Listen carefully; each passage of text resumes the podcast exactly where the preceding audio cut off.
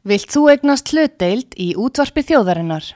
Sendu tölvupóst á hlutabref at útvarpsaga.is eða ringdu í síma 533 3943. Útvarpsaga stendur vörð um tjáningafrelsið. Sýteðis útvarpið á útvarpi sögu í umsjón Pétur Skunlökssonar.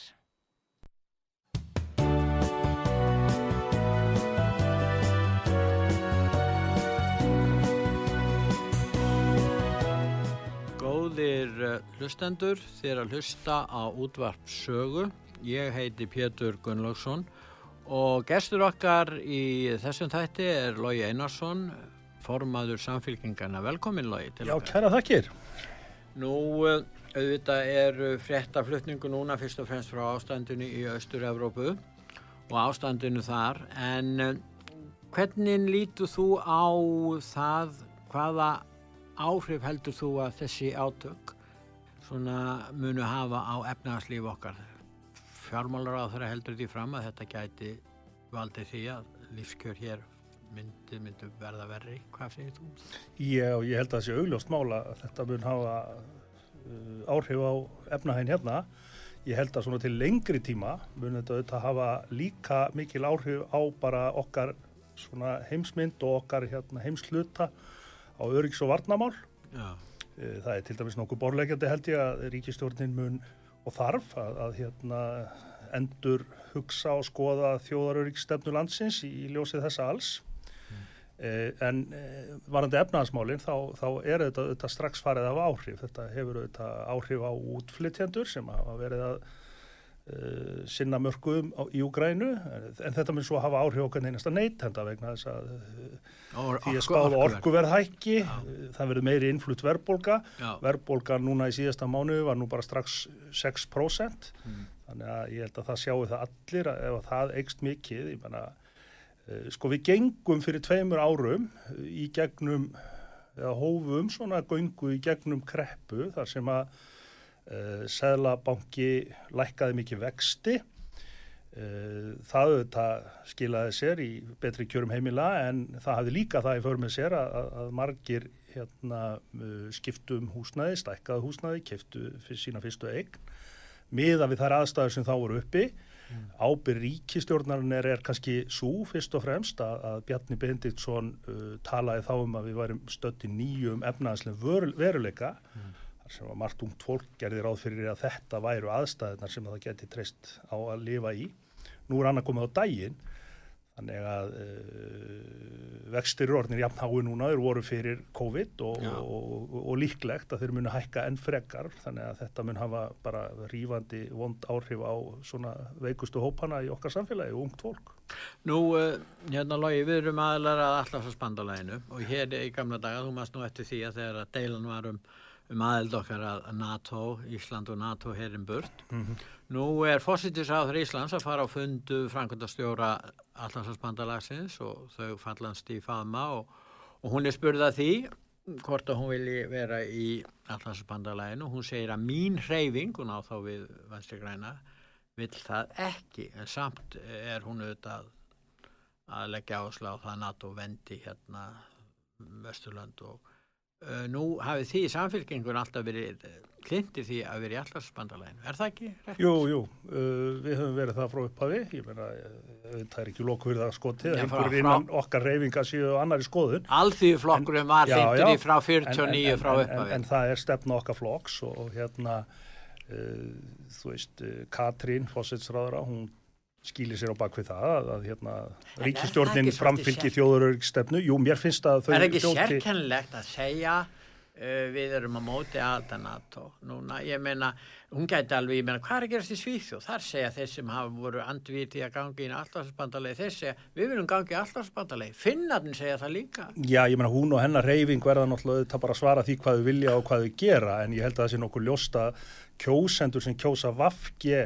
að vegna þess að þau eru ansnúi NATO uh, fá náttúrulega ekkert fyrir atkvæði sitt af því að það er nokkuð mikil samhljómur í íslensku stjórnmálum um uh, veru okkar í NATO mm. Uh, og mér hefur alltaf fundist það hálf hræsnisfullt að vera að rósa sér eitthvað sérstaklega að vera her, her, her, hérna, herrlöst land. Mhm. Við getum vissulega glaðst yfir að vera herrlöst land og vera Já. ekki með hermenn á öllum götuhóðnum Já, en eh, við hins vegar hljótum líka að vera nú ábyrg til að skilja það að við erum í NATO vegna þess að við vissar aðstæður þá þurfum við hjálp við að halda upp í vörnum okkar og það er auðvitað kjarnin í stefnunni En ef við lítum á þetta svona, lítum á stjórnmálasöguna, þá var þetta það mál sem að koma í veg fyrir saminningu vinstrimanna. Það var afstæðan í utanríksmálum, Já. afstæðan til, til NATO, til hersins. Það var eiginlega það eitt af þeim höfum málum var það ekki og þegar að vinstir heifingin, ef þú hugsaður út í það, Jú. þú hugsaður út í þetta, að, að það var í raun og verið ekkert annað. Nei, nei, þetta er mjög áhugavert hjá þér og, og, og hérna uh, núna er það uh, ágreiningur um hvort þú vart að, að sitja í ríkistjórn með, með hérna, hérna, hæriflokki eða ekki Já, já. Um, en auðvitað voru það einhverjir aðrir hluti líka, ég menna við höfum svona í breyðara samhengi aðra stefnu í uttaríksmálu, við höfum auðvitað vilja láta reyna á aðelda Európsambandi, við höfum talað fyrir annari hérna, mynd heldur en íslensku krónni uh, sem að vinstri græn hafa ekki gert, en ég held að það sé alveg rétt hjá þeir í upphafi, hafi þetta fyrst og fremst snúist um, um, um það hvort að við ættum að vera í NATO eða ekki. Og það hefði, sagan hefði nú verið talsveit öðru vísi í pólitísk saga okkar ef að þetta hefði ekki verið hindrun í að samina vinstrinumenn. Já, guð minn almáttur, en það er nú bara þannig með lífið að, að, að það er svo Jú. margt sem að maður hefði getað viljað En sjá það var á sínum tíma ef við förum aftar, það voru nokkrir kratar, ég man það Gilvi Þótt Gíslason á sig uppalega þegar vorum í NATO með herin og annað, hann var svona frekar svona efasenda maður, en allþýðflokkurinn eftir það samt var stuðnismæður Já, já, hann, hann hefur verið, hefur verið stuðnismæður þess alla algjör tíð og, Já, svona mestu leiti Já. og var það algjörlega. já, já, en þú manst nú líka eftir, sko. en þú manst nú líka eftir því að, að, að hérna, framsóknarflokkurinn gekk nú ekki alveg heill í þessu nei. heldur, þar voru menn innan framsóknarflokksinn sem voru anstæðingar Já. varnarsamlingins. Þeir voru minni hluta þar. Já, já, en voru samt Já. svona ábyrjandi og sterkur öll. Já, já, þeir voru það, sko. Og eins og Ólafur Ragnar Grímsson á tíma. Já, já, já, já. En þetta er aðeinsvert að þetta skulle vera svona. En uh, altså, uh, hvernig á að tala til þjóðarana ef að þetta verður svona til lengri tíma og uh, lífskjörni fara vestnandi hér, ef að ná einhvers konar sátt um það að vestnandi lífskjör eru vegna utanankomandi áhrifa. Verðum við ekki að gera það? eða- En hvernig ta talar þú sem formaður flokksins og, og einn af fórastu mönnum stjórnaranstöðuna? Hvernig viltu tala við Ísliting um þessi mál? Sko, ég held að ríkistjórnin muni þetta alltaf leggja áherslu á utanakomandi aðstæður. Þa, það held ég að liggi nú bara í hlutanins eðli. Já, Uh, ég uh, held að það sé nú kannski eitt af því gleðilegasta í þessum hörmulu aðstæðum núna. Það er að það er mikil samstaða um það að, að fordama þessa já, ólöglu aðgjör rúsa. Uh, allir stjórnmálaflokkar á þingi eru sama sinnis. Ég hef á tilfinningunni að eh, mjög, mjög, mjög stór meiri hluti þjóðarinn er það. já, það er Uh, og Það er uh, við höfum ekki heyrt annað heldur um bara sko stuðning allstaðar að Mm. við það að við tökum þátt í þessum efnaðsaðgerðum fólk áttar sig á því að það mun hafa ákveðna þýðingu í för með sér en þá ekki síst reynir á að ríkt land og auðugt eins og Ísland stýri sinni hagstjórn með þeim hætti að það bytni síst á þeim sem að vest hafa það og að svona gildi jafnar manna, sama hvar í flokki þeir standa, Mm. fái að ráða. Uh, að því að þetta mun svona skarpast auðvitað uh, snúa að þessu fólki. Ég meina, nú erum við búin að gangi í gegnum tveggja ára svona þrautagöngu með veiru sjúkdómum Já, og mörg okkar sem að miklu betur hafa það Mhm. hafa nánast ekkit fundið fyrir þessu á meðan að aðrir nema. hafa það bara bísna skýtt já, og mér finnst engin sómi af því að vinstri græn og jafnvel framsókn seti áfram í ríkistjórn sem að beiti sér ekki með þingri hætti fyrir því að jafna kjörin í landinu. Nú, eh, það var skoðanakörni hjá okkur Mm. og það er nú fyrst og fremst hlustendur út af söguventur sem taka þátt í henni og þó það er á vefsíð okkar út af saga.is og við spurðum bara einfallar spurningar telur þú nægilega vel búið að öldruðum í, í samfélaginu Mm, nei. okkar samfélagi Já. og það eru margir eldri borgar sem hlusta á sögu, við vitum það og niðurstæðan er þessi, nei segja 91,6% Mm. Já segja 5,2% og hlutlausir eru tæplega 3% Já, já. Ég, meina, Þe- Þetta eh, sko segir eitthvað.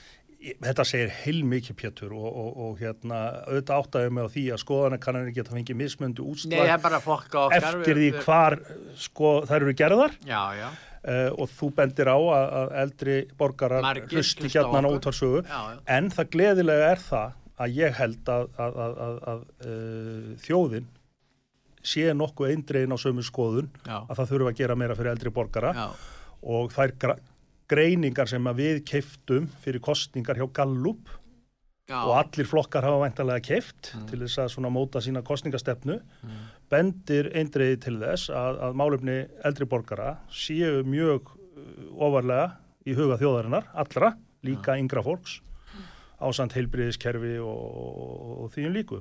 já. Þannig að, að en, en, en nú tala menn mjög mikið um þetta. Fannst ég nægilega mikið rætt um þessa hagspunni til dæmis, eldri borgara, svo höldum okkur við það í síðustu kostningum.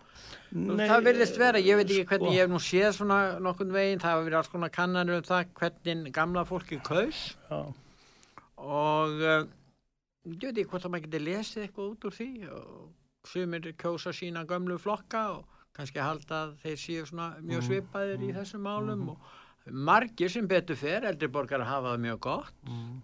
Og svo er það eins og þú segir, sá hópur sem hefur það ekki til dæmis að vera með kannski hvað 200.000, 250.000 og eiga ekki fastegn vera í leigu, það er náttúrulega svakalist Nei, menn þetta er hryllileg staða og ég held að það sé svona ógæfa okkar að, að, að uh, þeir og þau sem að svona flokkar á vinstri vagnum frá miðu til vinstri þurfa að vera málsvara fyrir. mm. Þeir eru þetta í allt og mörgum einingum þannig að jafnvel að þó að þessi flokka fóði samalagt Mm. ágæts prósentustundum Mm.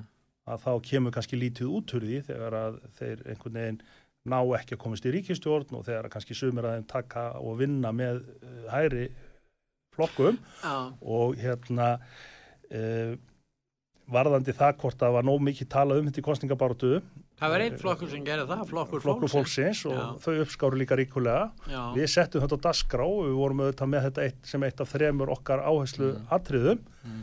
en kannski má segja það við höfum talað of, of, of almennt um þessa hluti sko Uh, en ég, ég held að þetta sé klárlega mál sem að þarf að fá miklu betri farveg inn á þingi heldur en að það hefur í dag.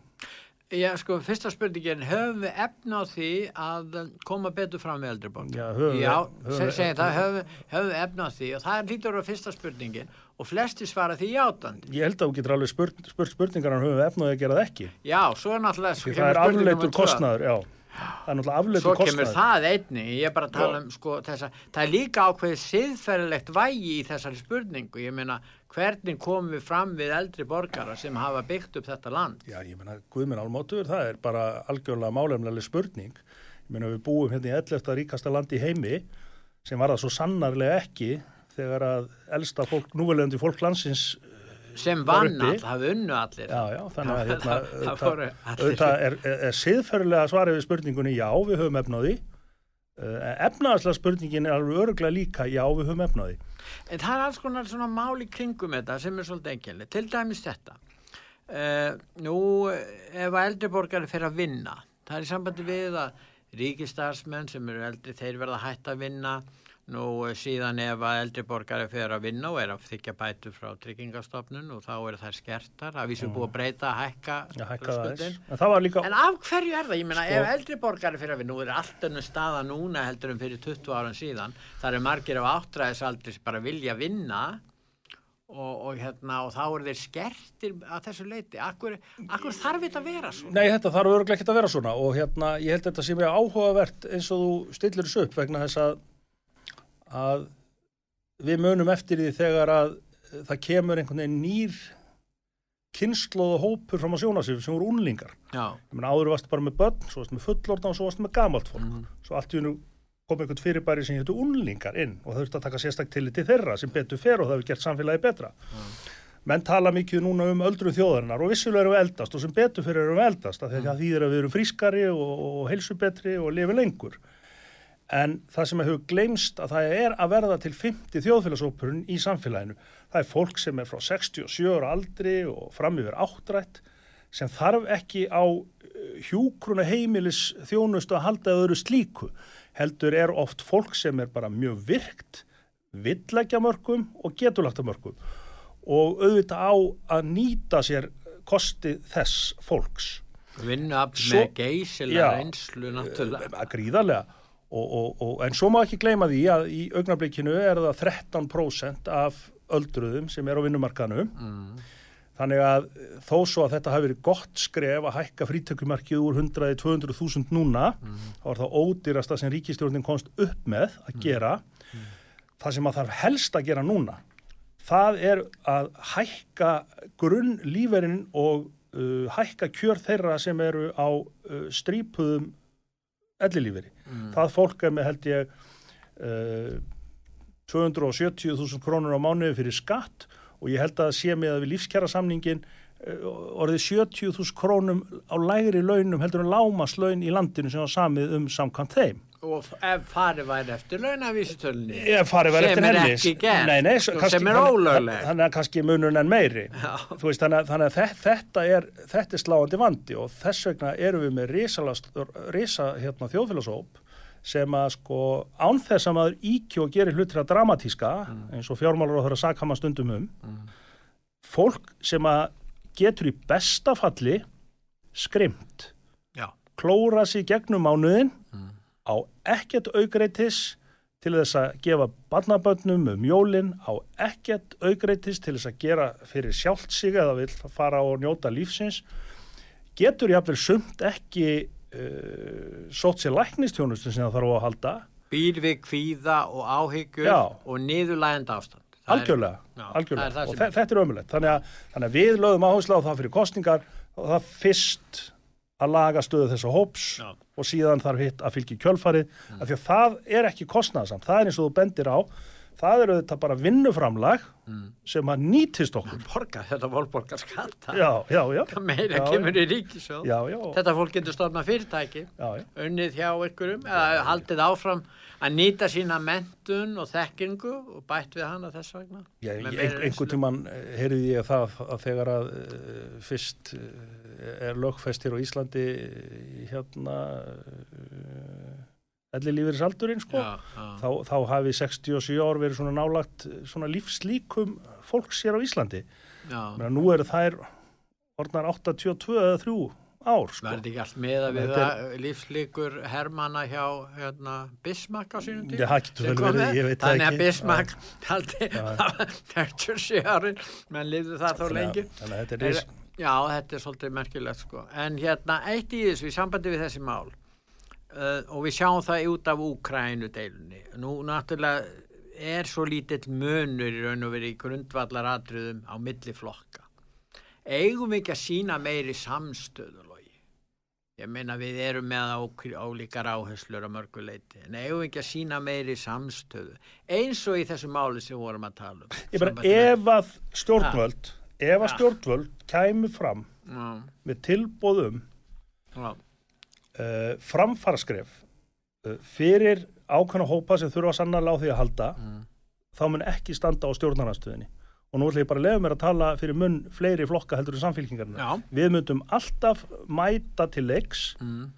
og, og, og aðstofa við það eins og við höfum reynda, reynda gert í gennum COVID.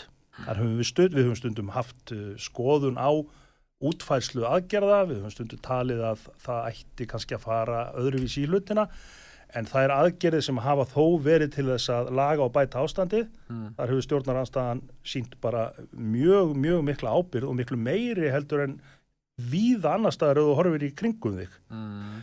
uh, Já, já. og það var áhugavert að ég átti samtal við Sigur Inga á morgun, í morgun Já, einmitt um uh, útspil Lilju Alfredsdóttur þar sem hún hefur talað um það að, að það verði að mæta þeim vanda sem að blasir við uh, efnaminni heimilum núna og skuldsettum heimilum vegna hára verbolgu og vaksta mm. og hún hefur talað um uh, auka, auka, auka skattlagningu og ofsagróða fyrirtækja, til dæmis sjávaröldsfyrirtækja. Hún hefur talað um það að ef bankarnir í rauninni leif ekki fólki að njóta góðra vakstakjöra, þá verður bara hækkaðu bankaskattur. Mm. og nú talaðum við vakstabóta kerfið. Þetta er allt tillögur og, og hugmyndir, hún er ráð þeirra og þetta er allt hugmyndir sem að eh, stjórnarnanstaðan hefur talað fyrir og við höfum sameiginlega lagt fram þingsálutuna tillögu um. Þegar ég spurði svo Sigur Inga að því hvort að þetta neti stöðnings í hinum ríkstjórnarflokkunum og hvort að hann stitti þetta Já, þá fór hann svona eins og köttur í kringum heitan grötin og svaraði því ekki og sagði hins vegar að e, hann áttaði sig á vandamálunum sem getur verið að teknast upp og þá væri bara þingsins ákveða og þá spurði hann ok, ertu með öðrum orðum að segja? Þú fáir ekki stuðning fyrir þessa tilugur hjá sjálfstæðisflokki og jafnvel vinstri grænum og ertu tilbúin til að koma með þessu inn til þingsis að því að við munum stiðja framsvonflokkinni þessu. Já. en þá náttúrulega svaraði því ekki. Ja, hann getur, hann en þetta er náttúrulega grundvöldur ríkistjórnarsamstarf þá á veikum grunni. Já, en við myndum alltaf og munum alltaf taka undir góðar hugmyndir. Og ég held að þetta sé ekki úr lausuloftu grepið að þú nefnir þetta.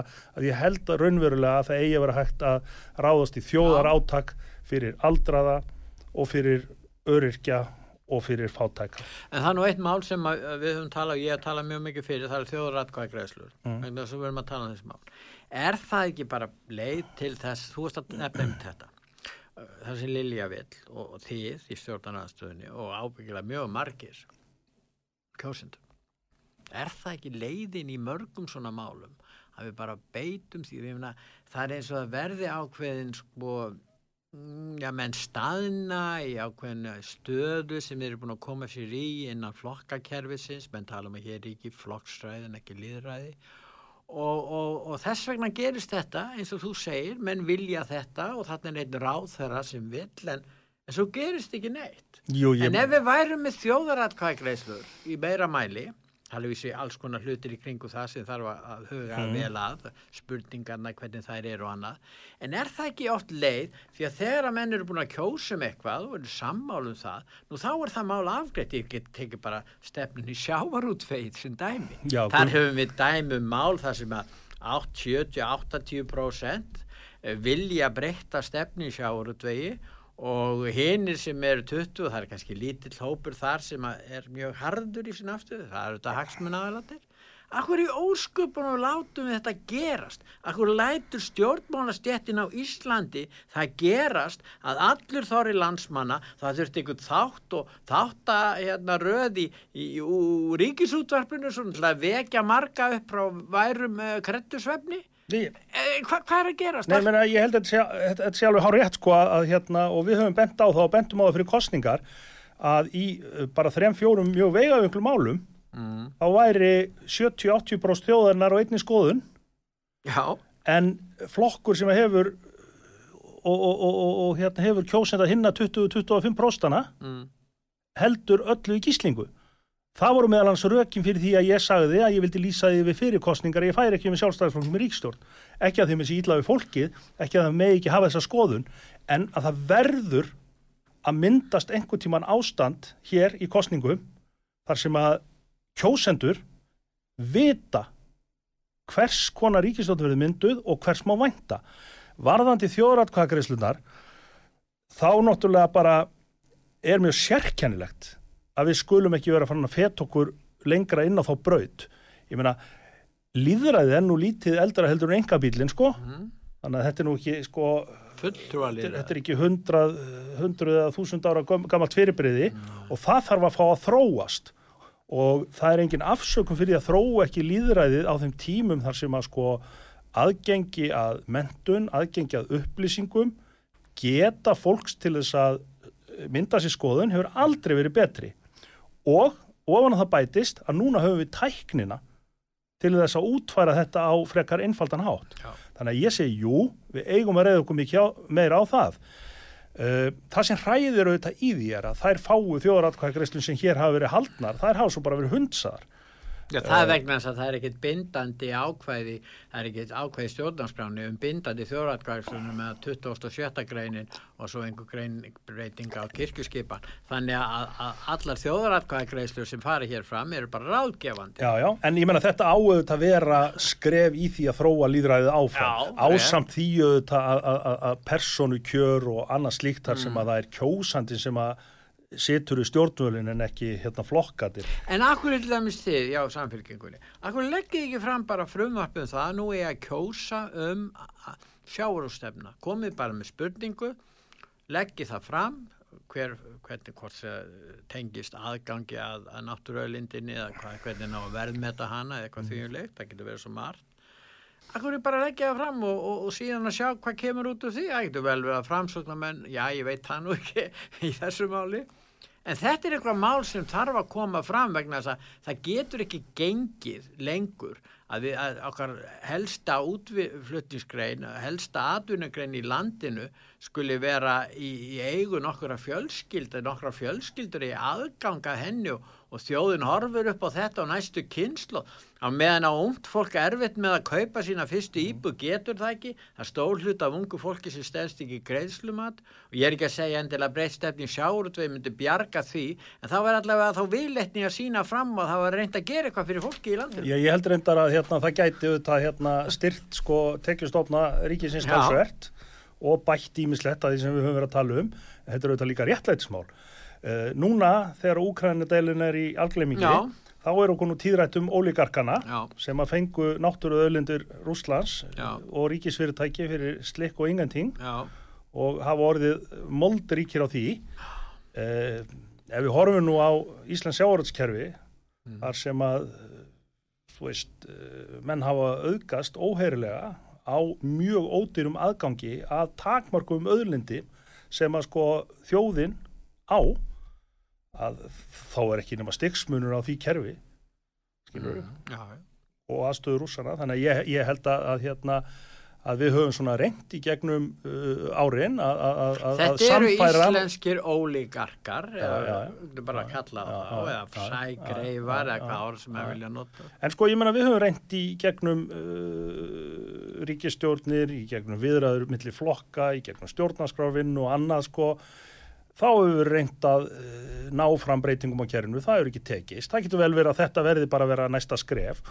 Og að því þú efaðist um framsónaflokkin þá veit Nei, ég ekki. ég meina, þeir áttu stóran sko, þátt í því að með þess að ég upp að við sko, vildi sjálfstæðisflokkurinn ekki fylgja eins og breytingum á þessu kerfi. Nei, það var, það var vinstistjórnin á sínum tíma sem að samþýtti framsali Já, já, og væri ekkert að framsalinu ef að við fengjum sko ef að, að, að útgerðar menn keiftu kótan Nei, á var... því verði Logi, sem að kosta það var samþygt samt að hafa þetta svona í lögunum með stjórn fiskveða ég vissi var að Jón Baldvin sem setti inn í þetta kemur inn setna sko. Já, það kemur þann inn í þannig að sko sko það hafa allir sí, flokkar borðið ábyrða á þessu kerfi. það er ekki tægt að segja að sjálfstæðisflokkurinn og framsókt og þó að sérstaklega Haldur sem var náttúrulega forsprekkin í þessu líka að það séu engungu þeir, það eru allir flokkar. Ég ætla ekki að halda því fram Nei. heldur, ég bara það sem ég er að segja og vildi halda til að haga er að reyndar held ég að það sé nú hlutur alþjóðuflokksins, gamla, já, ekki síst já. að hafa tryggt allavega inn í greinar og fyrksöðutöndan lög já, um, um þjóðaregnina En það sem ég ætlaði að segja er að framsónaflokkurinn opnaði, skils mér á það, í ríkistjórnir 2013-16 um, að tímabinda til dæmis aflaheimildir mm. og Sigur Ingi hafi sagt, komið með slíkt frumvarp inn til ríkistjórnaflokkana, sækja, en það hafi ekki verið samþygt og ekki komið út til þingsins. Þannig að ég held að, ég held að stöðningur við breytt sjárótskerfi sé víðar heldurinn hjá flokkonum í stjórnarnarstöðu. Já, það sé, er það ekki vegna þess að það þristingurinn er, kemur frá almenningi? Jú, en ég menna, þristingurinn er greinileg ekki meira en svo mm. að öflin sem vil ekki breyta hann innu, þau ná að stoppa þetta alltaf. Þannig að við þurfum að brjótast út úr því. Og það getur vel verið að eigi bara að láta reyna á það í atkvæðagreyslu í þingsal með nafnakalli, hverjir treysta sér í þjóðaratkvæðagreyslu um einhver tiltekinn ákvæði sem að leiða til breytingar á kerfinu. Góðir hlustendur, þið er að hlusta útvarp sögu, ég heiti Pétur Gunnlaugsson og gestur minn í þessum þætti er Lógi Einarsson, formaður samfélkingarinnar og eh, við ætlum að hlýða núna á öllusingar og eftir öllusingar hlýða þá höldum við umræðinni áfram.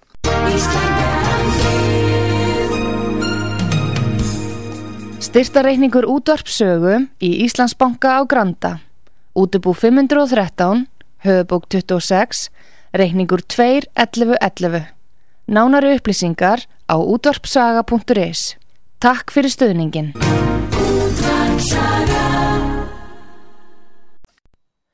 Sýteðis útvarpið á útvarpisögu í umsjón Pétur Skunlökssonar.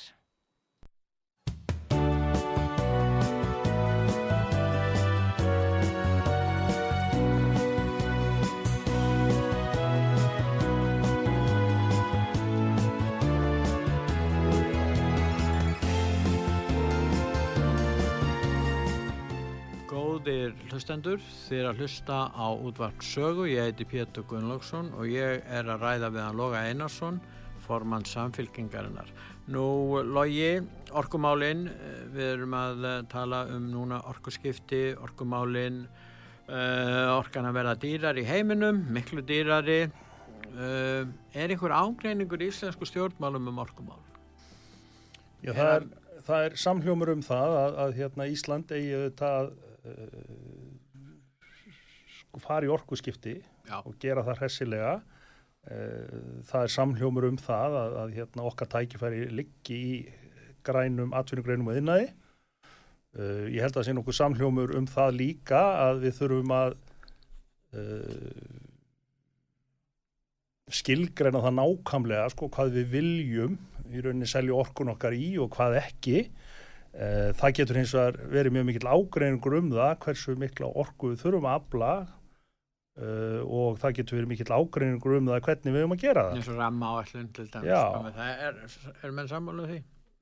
Ég held að sko ramma áallun sé lang besta tæki sem við höfum það er að segja hugmyndafræðin um ramma áallun er lang besta tæki sem við höfum til þess að skapa frið um orkuöflun í landinu. Nú segja umhverfisvenda sinna að búa virkjana við að við erum með framleiðu meiri orku á hvern einstakling en okkur hannu þjóð sem er sennilega rétt og við að hætta að yrkja og hvað viljið þið virkja til dæmis í samfélg? Já, við höfum nú svo sem ekkert hérna, lagt fingur á nákvæmlega hvað við höfum að gera sko, í því. Jú, ég menna þegar að ramma, rammin kemur til umræði þá munum við þurfa að gera það.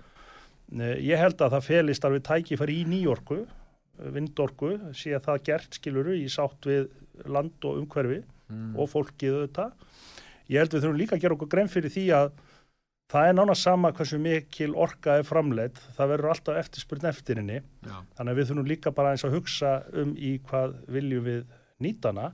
Ég meina, finnst okkur það uh, rétt að selja orku ótakmarkað til þess að grafa eftir rafmynd? Er það góð Já, leið til að nýta borga, orku? þeir borga vel fyrir orku. Já, en er það sagt, svona í stóra samhenginu svona síðferðilega rétt? Ég held að, ég held að sko að orkumál og, og, og hérna, umhverfismál snúast náttúrulega alltaf um efnahagslegan veruleika uh, en það snýst auðvitað líka bara um siðferðislega hluti uh, og ég meina ég held að enginn fyrir 30-40 árum nema einn og einn sem álitni voru sérvitringar þá hafi átt að sé á því til dæmis hvers virðu umhverju okkar er og getur orðið þannig að hérna En nú til dæmis hefur komið, nú segja sumir, uh, varðandi til þeim stóriðuna, ýmsir margir, eða uh, margir, já, já, svo móti því að hér séum að selja til stóriðu. Nú þeir segja að, að hérna, við eigum að framleiða meira hér á Íslandi, nota orkuna til að framleiða, við erum með grænu orku, því að aðrir nota kól eins og í Kína og annars staðar, við erum raun og veru að vinna að hagspótum fyrir, fyrir, fyrir, fyrir umhverfið með því að reysa hér vesmiður og hérna og selja orku þangað. Jafnvel, hvað segir það? það er hægt að stilla hlutónum upp þannig. Já, hvað, Ég er hvað, bara- finn, hvað finnst þér er um þessa ég, ég, ég, ég er bara ekki sammálaði Akkur vegna þess að já, hún leiðir bara til þess að uh, þjóðir benda bara alltaf hver á aðra ég held að það þurfi einhvern veginn hver þjóð að, að, að líta pínu á hlutina út frá sinni stöðu og gera eins vel og, og hún getur í uh, loftlas og umhverfismálu. Uh, ég held að það séu þetta tómt mál að tala um þær stóriður sem hér eru komnar vegna þess að það eru framverki samningar um einhverja áratugi Já, og við erum skuldbundin því, Mhm. þannig að það er enginn að tala um að loka þeim þannig. nei. En ég held hins vegar að það sé ekki ákjósanlegt fyrir okkur af svo mörgum ástæðum. En við erum með græna orku, fara- 86% orku hér, Já, ég græn menna, en, orka. en við Ef ekki... við aukum hana, tvöföldum hana, ég, ég held að það verði nú ekki hægt reyndar. En, en, en, en gefum okkur þann nú sko að, að hérna, við höfum einhverja orku til umráða. Ég meina, er þá ekki gáleira að við eh, notum hana til þess að, að, að beininni til dæmis í græna matfælaframleyslu beininni í uh, framleyslu á hlutum sem að skila hlutvaslega miklu verðmæti heldur en ráðuruframleysla uh, notana til þess að, að, að umbylta yðnaði og atvinnuvegi í landinu þannig að hann sé sjálfbær og græn. Við eigum mikið inni, auðveldasta verkefnið okkar, það er bílaflottin. Veist, við þurfum vissulega að koma upp miklu betri eh, hleðslu neti eh, en þetta er tiltrúlega svona einfalt að því að bílar eru orðin tiltrúlega góðir fyrir ekki mikinn pening meiri heldur en bensínbílar. En, en, en áskorðnar liggja til dæmis í, í loftferðum og, og, og útgerð. Og við þurfum auðvitað að gera þessum grei, greinum kleift að uh, taka þátt í orkuskiptunum líka. Þannig að hérna ég hef alveg heyrt þetta á þingi að, að, að hérna, við myndum gera jörðinni mikið gagn með að bæta við tveim, þreim stóriðum sko, ég er bara ekki sammála því. Ég held að það sé bara uh, raunghugsun og siðferðilega blindgata. En nú er það þannig að, að Evrópusambandið gefur út tilskipanur reglugerðir meðal annars um orkumál. Uh -huh. og það fór fram mikil uh, deila hér um, um það á sínum tíma hvort var þetta með innleiða orku pakka þrjú og kannski kemur fjórið orkupakkin býst ég við og, og fymti kannski líka og erum við þá með því að samþykja þetta, erum við þá að verða hluti af orkukerfi Evrópu? Já, við erum, or, við erum Já, býttu við, ef við segir orðin, en er, fylgir því ekki ákveðin áhætta fyrir neytendur þar sem orku verði miklu, miklu herra og áhættar að hækka núna miklu meira eftir Úkrænu vandamálið, innrásina. Við höfum náttúrulega, En- ótrúlega, við höfum ótrúlega sérstöðu bara sem, sem eigþjóð, sem er ekki tengt út til Evrópu. Og, og en við erum að samþykja Já, ég menna var tilskipanir margt, margt í þessari tilskipun og þessari, þessu regluverki sem að beinlínis gat í rauninni orðið og getur orðið til hagspóta fyrir uh, mjög marga hér á Íslandi. Ég menna, mér minnir að, að í reglugerðinni hafi verið til dæmis ákvað um það að, að, að, að uh, margir eða nokkrir smærri orku kaupendur getur rottað sér saman og fengið tilbóð eins og þau væru sagt einn stóra aðili. Þetta geti gilt um til dæmis mat, mat, matvælaframlýsluna. Þannig að hérna, ég held að við höfum alveg stýra okkar, okkar málum. Sko. En nú hefur þetta gengið svo vel hjá okkur í orkumál. Já, hefur þetta gengið vel, ég menna. Hefur Við höfum auðvitað, sko, auðvitað, Íslendingar hafa alltaf verið svona í setni tíð, síðustu áratugi eftir að við fengum hittaðut og annað, þá höfum þetta gengið um orku eins og hún væri ótakmörku. Bara sem arkitekt, skilur Mhm. þá, þá hérna, eru mér nú bara svona hús og mannvirki hérna, hugleikir Já, og uh, við náttúrulega sko göngum um okkar húsnaði með allt örum hætti heldur um fólk sem að finnur á byttunni sinni að það kosti að hitta upp húsin. Við skiljum eftir glugga, opna, við erum þrís á fjóru sinnum lengur í sturtu heldur við þurfum að gera, við erum ekki að hafa áhyggjur á því hvernig við eldum eða annars líkt sko. Við þurfum alveg að hugsa um þessi mál. Þau skipta máli. Við verðum að verða svona meðvitað í neytendur. en grundvallar er það að allur þorri landsmanna er sáttu við það að hefur ofinbera eins og Reykjavíkuborg eða þá ríkið landsvirkjun eigi og reiki þessi fyrirtæki. Já, ég meina, menn eru ég- sam, ég- menn ég- eru ég- sammála um það. Ég er, sammála því og ég er til dæmis á móti, þú veist, þessari hugmynd sem kom frá þingmanni sjálfstæðisflokksins um að fara að selja landsvirkju. Já, það eru fáir, jafnvel frálsíkjumenn er á móti, þeir segja, sig alveg við það ríkir, að þetta gengur svo vel, verðin hafi verið lág hjá okkur, Já, ekki verið greitt með þessu, nei, nei. verðin lág, Mm, grænorka, mm. Þetta er náttúrulega, við erum í sérstaklu stöðu. Já, við, við, erum, við, við erum í mjög góðri stöðu og eigum við við, þá að nálgast Evrópu í þessum málum, Lógi? við, getum, við, getum alveg, getum alveg letið til og erum auðvitað skuldbundingi gerum EES-samningin til að Akkur taka að tilskipanir. við getum neita því líka eins og Jón Baldun bent á, við, við getum rökstuð það, að við get, þetta hendar okkur. Sko, það er eh, eitt varðandi fyrst eh, hérna Európa-samstar okkar. Já. Við höfum bent á það í samfélkingunni að værum við í Európa-sambandinu þá myndum við einfallega koma fyrr inn í umræður um ímsa lögjöf. Á meðan að að- hana þá, sko. Já, en hún er nú ekki samþýtt nema að allir, hérna, gegn allir hérna, Það hafa gengið dómar gegn Póland og Ungverjalandi Við- við- við að reglugerðir og, og, og lög Evrópusans Við erum það að- eru við, heldur já, en við erum, að koma, við erum að koma mjög, við erum, við erum lítil þjóð, við erum að koma allt og seint inn í þetta. Við ættum auðvitað að reyna að hafa áhrif ef við viljum breytingar á innleðingu á fyrri stegum. Við gætum unnið betur og í nánara samflótti með norðmönnum sem eru 15 sinnum fleiri heldur en við. Þannig að við Já, gætum það er bara meiri á þessi mál. hálfu stjórnvalda þeir hafa ekki notfært sér það En aðalatrið er þetta að hérna, ég held að sko dreifikerfið sé auðvitað stóra verkefnið okkar núna. Það er að nýta orkuna. Það er ofbáslega mikil vannýting á orkunni í lélugum kerfum, flutningskerfum, fyrir utan svo að, að, hérna, að það skapar auðvitað bara mjög ótrygg og vond búsettu skilir við það. Ég meina, það eru kerðar vestmiður á svartolju á norðausturlandi. Það er ekki að því að fólkið vilji nota hana, það er að það hefur ekki aðganga ramagni.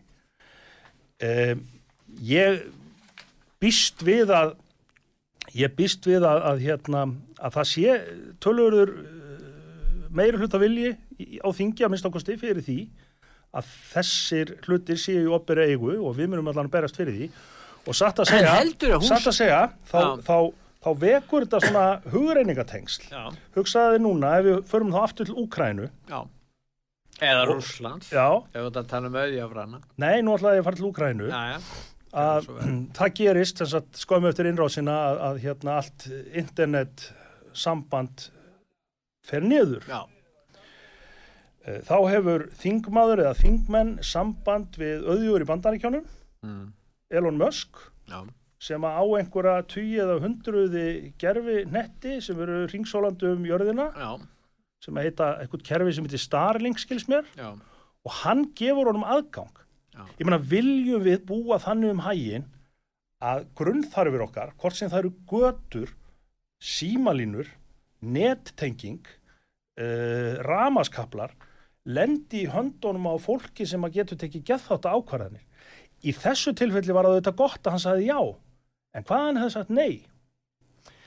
Þess vegna höfum við í samfélkingun ekkert verið feimin við að viðurkenna bara að þið opinbera á bara að taka sér Það þetta er allir pláss. sammálu það, nei, ég sé ekki allir, langflestir að ekki að selja landsvirkjun og með þess að þessi þingmaður sem var að tala um að lífeyrissjóðin ætti að kaupi þessu, hún var fór að draga til la- í land með það í, Já, já, ok, einhverju gott, gott. Þannig að, að það er þannig og ég veit ekki hvort að þessi nokkur vilji þó að þessi innan kannski, kannski sjálfstæðisloknum eru einstaklingar sem vilja að engaðalar fái, fái aðgang að, að landsvirkjun en það er geysilega arðbært fyrirtækjar og verður miklu arðbæra núna, þú getur nýmynd en ef við tökum eh, næsta mál fyrir það er í samvættu verðbólguna og vextina og húsnæðismálin.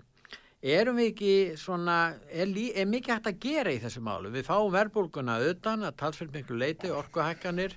Við erum með vakstahækkanir sem Sælabanki stýrir að sjálfsögðu og stjórnmálamennir er ekki að koma nálagt Nú uh, síðan höfum við húsnæðisverðið, það er lítið frambóð á eignum, lítið byggt vegna þess að verktakar, já, þeir sjá kannski ekki hagsinn í því að, að byggja ef þeirra verðin er orðin, já, verðin er orðin há eða spurning hvað það gengur lengi yfir. Hvernig lítið þið á það? Er, hva, hvað er hægt að gera í húsnæðismál? Ég held að það sé tvent sem þarf að gera og við erum reynda með tillögum hvort tvekja inn á þingi. Já.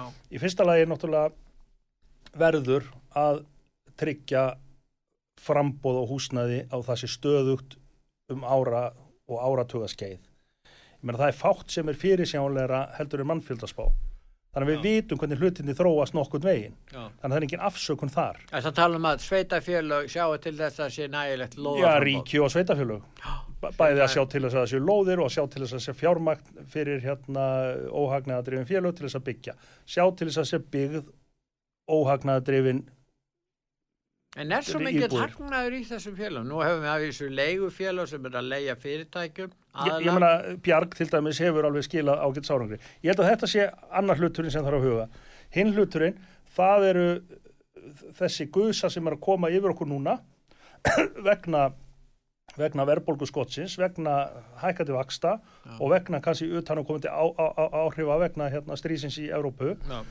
Og þar verðum við náttúrulega að fara í bara mjög sértakar aðgerðir sem eru ekki líklega að grafa undan í rauninni sjálfstæðan Sæðlabanka og þeim tækjum sem hann hefur til þess að halda jafnvægi hérna.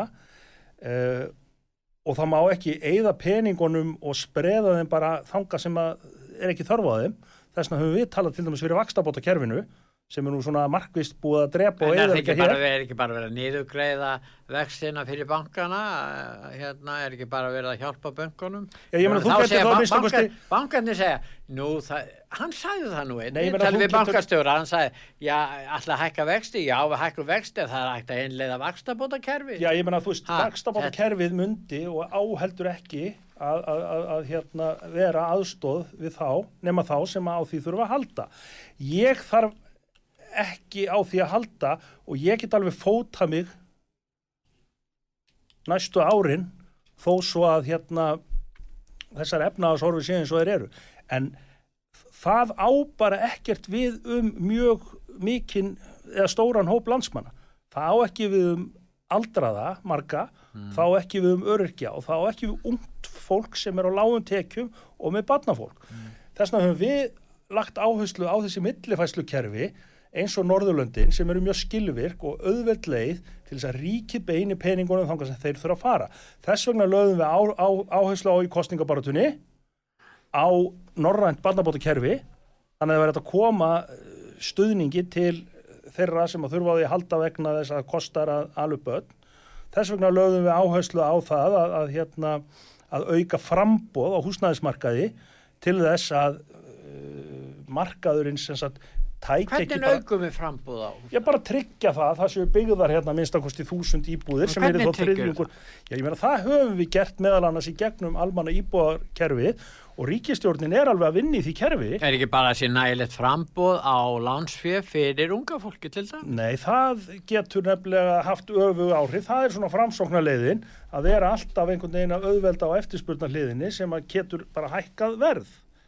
Þannig að sá sem hefur vinnu hann getur keft sér húsnæði Það þurfum við að stöðla því Já. en auki frambóð af húsnæði og stöður af frambóð af húsnæði mun minka sveiflunar á húsnæðismarkanum og mun draga úr þessum hækkunum sem eru allt og miklar á húsnæðismarkaði. Síðan er annað vandamál að það eru þau svæði á landinu þar sem að, þar sem að uh, byggingakostnaður er herri heldur en markasvirðið já, þar þarf að Já. koma inn bara með annars konar aðgerðir. Við erum náttúrulega bara mjög sérstakt land á Íslandi og ég held að þessu fimm lönd í heiminum þar sem að jafn, uh, stór hluti þjóðarinnar býr á einu svæði og svo er annað dreift áltið víða á mjög stóru landsvæði. Þannig að við erum alltaf með markaspresti í öllum okkar kerfum og við þurfum að huga að bæði þéttbílinu en líka dreifbílinu.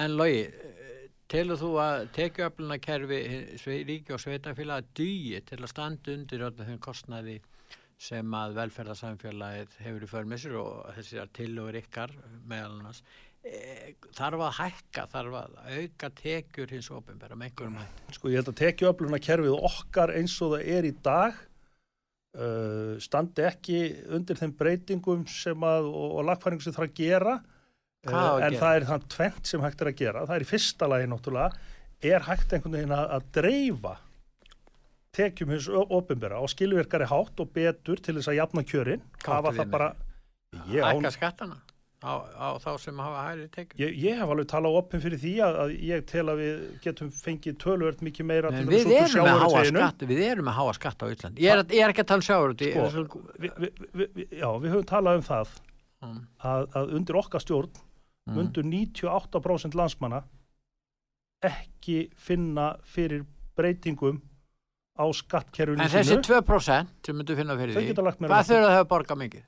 Því að það þarf ekki að vera svo mikið. Það lítur að vera þið búin að rekna það út fyrst við vitum Já, við- 98% sem borga ekki. Þá Já. vitið þið hvað þessi 2% þurfa að borga. Okkar kostningalofur, þau hljóðu upp á 20, frekar en 22 miljardar. Já, það er til við- lítið Já, já, í þetta en kerfi. við töldum að þyrfti bara ráðast í það strax til þess að gera þó góðar úrbætur. Já, uh, og Við vorum með það hérna... En breytir það miklu? Við vorum með eini flokkurinn sem að hérna lögðum fram hvernig við ætlum að afla þeirra tekna og við ætlum að gera annars verð með hérna stóregna skattinu sem mm. fór nú bara mjög þvert ofan í marga.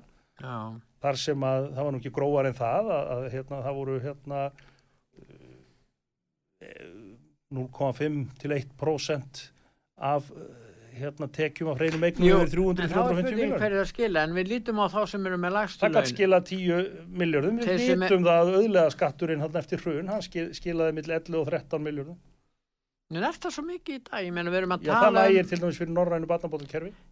Já, en, en sko, ég er að tala um það að þetta eru sko til dæmis þeir sem eru með lagstu tekjuna þeir eru að greiða náttúrulega beina skatta útsvar sérstaklega mm -hmm.